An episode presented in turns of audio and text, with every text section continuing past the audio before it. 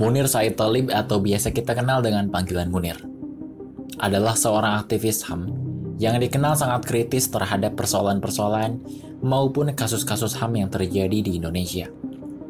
Munir lahir di Malang pada tanggal 8 Desember 1965. Munir dikenal melalui sepak terjangnya dalam menangani kasus pelanggaran-pelanggaran HAM, seperti sengketa agraria dan advokasi hukum kasus perburuhan. Salah satu kasus HAM terbesar yang pernah beliau tangani adalah kasus Marsinah, yang di mana kasus tersebut mengenai penganiayaan seorang buruh yang bernama Marsinah pada tahun 93. Dan selain kasus besar ini, beliau juga sempat terlibat dengan menangani pelanggaran HAM di daerah konflik, seperti Timor Leste, Aceh, Papua, Ambon, dan Poso.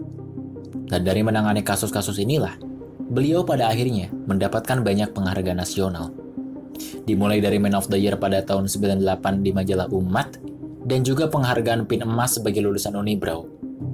Beliau juga tercatat pula sebagai satu dari 100 tokoh Indonesia abad 20 versi majalah Forum Keadilan. Beliau aktif dalam menjalankan dan mendirikan organisasi-organisasi.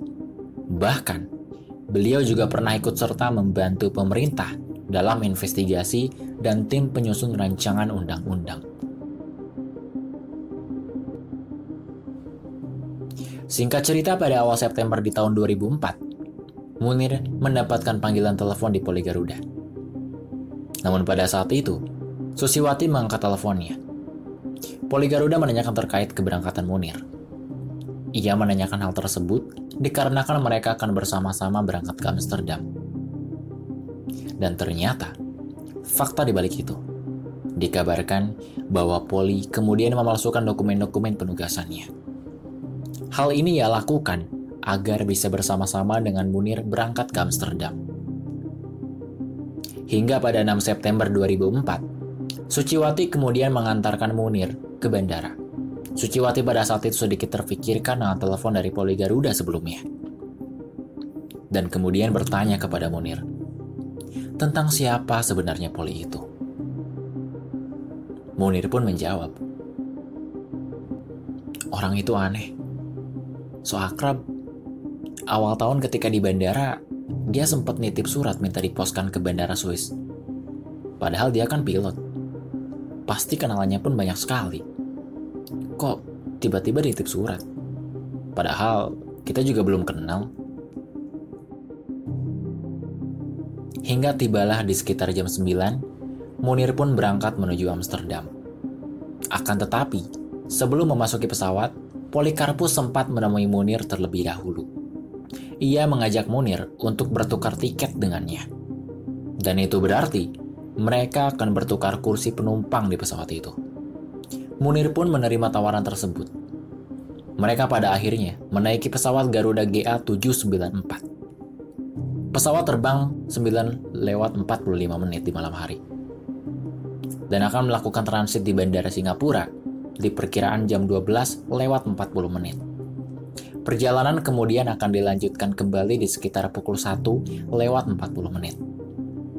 Pada awal penerbangan, tidak lama setelah lepas landas dari Jakarta, pramugari kemudian memberi makan malam yang langsung disantap dan dihabiskan oleh Munir. Pramugari kemudian menawarkan jus orange, jus apel, teh, dan juga kopi. Dan Munir meminum jus orange sebagai minumannya. Tidak berlangsung lama, akhirnya mereka transit di Bandara Singapura. Pada saat setelah transit, Munir memasuki Coffee Bean. Dan diketahui pula, Munir ngopi di tempat itu bersama dengan Polikarpus dan satu orang lainnya yang bernama Kongko. Polikarpus kemudian mengantarkan salah satu minuman dan memberikannya kepada Munir. Munir langsung menghabiskan minuman itu sambil mereka bertiga bercengkrama di dalam coffee bean. Munir setelahnya berjalan ke ruang tunggu untuk selanjutnya akan melakukan penerbangan. Tetapi pada saat itu, rupanya Poli tidak ikut masuk ke ruang tunggu. Suciwati memberi pernyataan bahwa di saat di ruang tunggu itulah Munir kemudian memberi SMS kepadanya. Kok perut saya nggak enak ya? Akhirnya diketahuilah bahwa ternyata itu merupakan gejala awal bahwa Munir keracunan. Namun Munir masih memutuskan untuk terbang ke Amsterdam. Munir kemudian masuk ke dalam pesawat. Tetapi di saat itu, ia kembali ke tempat duduk di tiket awal. Berselang beberapa menit kemudian, sakit perut yang dialami Munir pun semakin memburuk. Menurut kesaksian awak pesawat, pada momen itu, Munir sebenarnya sempat meminta obat sakit mah. Munir juga terlihat bolak-balik ke toilet pesawat sambil terus memegangi perutnya. Namun lama-kelamaan, kondisinya pun semakin parah. Dan beberapa kali beliau mengalami muntaber. Dan pada saat itulah, awak pesawat membangunkan Dr. Tarmizi. Dan karena pada saat itu Munir membutuhkan perawatan intens, mereka pun memutuskan untuk memindahkan Munir ke kursi pesawat 4D yang ada di kelas bisnis. Kondisinya pun pada saat itu semakin membuat dokter dan juga awak kabin khawatir. Ia bahkan tak lagi mampu bicara. Saat dokter Termizi melantarkan pertanyaan, Munir pun hanya terdiam dengan tangan terlipat di depan perutnya. Dokter pun pada akhirnya memberikan suntikan, di mana suntikan tersebut akan meredakan muntah dan sakit yang dialami oleh Munir. Munir pun diperintahkan untuk istirahat dan tidur, dan Munir pun beristirahat namun dengan posisi tidur yang meringkuk. Setelah lima jam beristirahat, Munir pun kemudian bangun dan pergi ke toilet. Tetapi setelah sekitar 10 menit di dalam toilet, Munir pun masih belum juga keluar dari dalam. Purser Najib Nasution akhirnya membuka paksa pintu toilet dan kemudian mendapati kondisi Munir sudah tak lagi mampu berdiri. Ia bersandar di pojok toilet dan mereka pun akhirnya memapahnya. Mereka membawanya kembali ke tempat duduk semula, menemui Dr. Tarmizi. Pada saat itu, dokter mencoba memeriksa perutnya yang seketika membuat Munir kesakitan. Dikarenakan keterbatasan alat medis di dalam pesawat, Dr. Tarmizi pun kemudian menyuntikkan kembali obatnya, yaitu obat penenang untuk mengatasi kejang dan juga kecemasan. Setelah itu, Munir pun kembali istirahat. Dan inilah detik-detik sebelum akhirnya Munir menghembuskan nafas terakhirnya. Munir masih sempat mengacungkan jempol ketika awak kabin pesawat meminta izin untuk sholat sekaligus menyiapkan sarapan. Ketika para awak kembali untuk melihat kondisi Munir, Munir pun pada akhirnya sudah tak bernapas lagi. Dengan air liur yang keluar dari mulutnya dan telapak tangan yang terlihat membiru. Kalau sakitnya cuma muntaber, manusia harusnya bisa bertahan sampai tiga hari. Ucap Pursar Najib yang pada saat itu memeriksa Munir. Setelah landing di Amsterdam, jasad Munir pun langsung diperiksa oleh NFI, Netherlands Forensic Institute, dan dari hasil pemeriksaan inilah diketahui bahwa tidak adanya tanda-tanda alkohol, tidak ada juga tanda-tanda reaksi alergi, tetapi di dalam darahnya ditemukan konsentrasi arsenik yang sangatlah tinggi. Konsentrasi arsenik juga ditemukan di dalam lambungnya, yang jumlahnya sangat tidak wajar. Dan timbullah pertanyaan, siapakah yang memberi racun tersebut kepada Munir? Dari perkembangan kasus ini, Mabes Polri menyatakan Polikarpus Prianto dinyatakan sebagai tersangka pembunuhan. Ia dituduh menuang racun ke dalam kopi yang dikonsumsi oleh Munir sebelumnya. Tetapi tuduhan lainnya juga mengatakan bahwa racun itu dituangkan lewat mie goreng yang Munir santap. Dan di antara dua tuduhan ini, entah mana yang benar dan mana yang salah.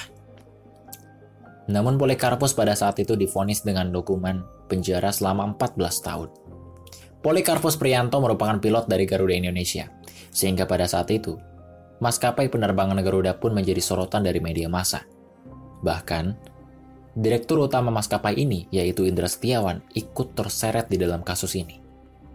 Diketahui pula bahwa Indra ikut mengambil peran dalam pembuatan tugas Polikarpus.